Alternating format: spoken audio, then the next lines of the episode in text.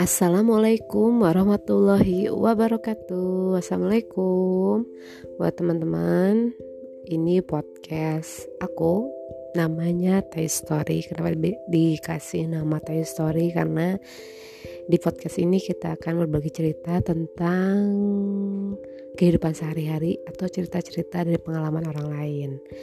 Jadi, kita sharing pengalaman, kita sama-sama berbagi cerita aja intinya ya. Yuk, selamat mendengarkan. Assalamualaikum warahmatullahi wabarakatuh.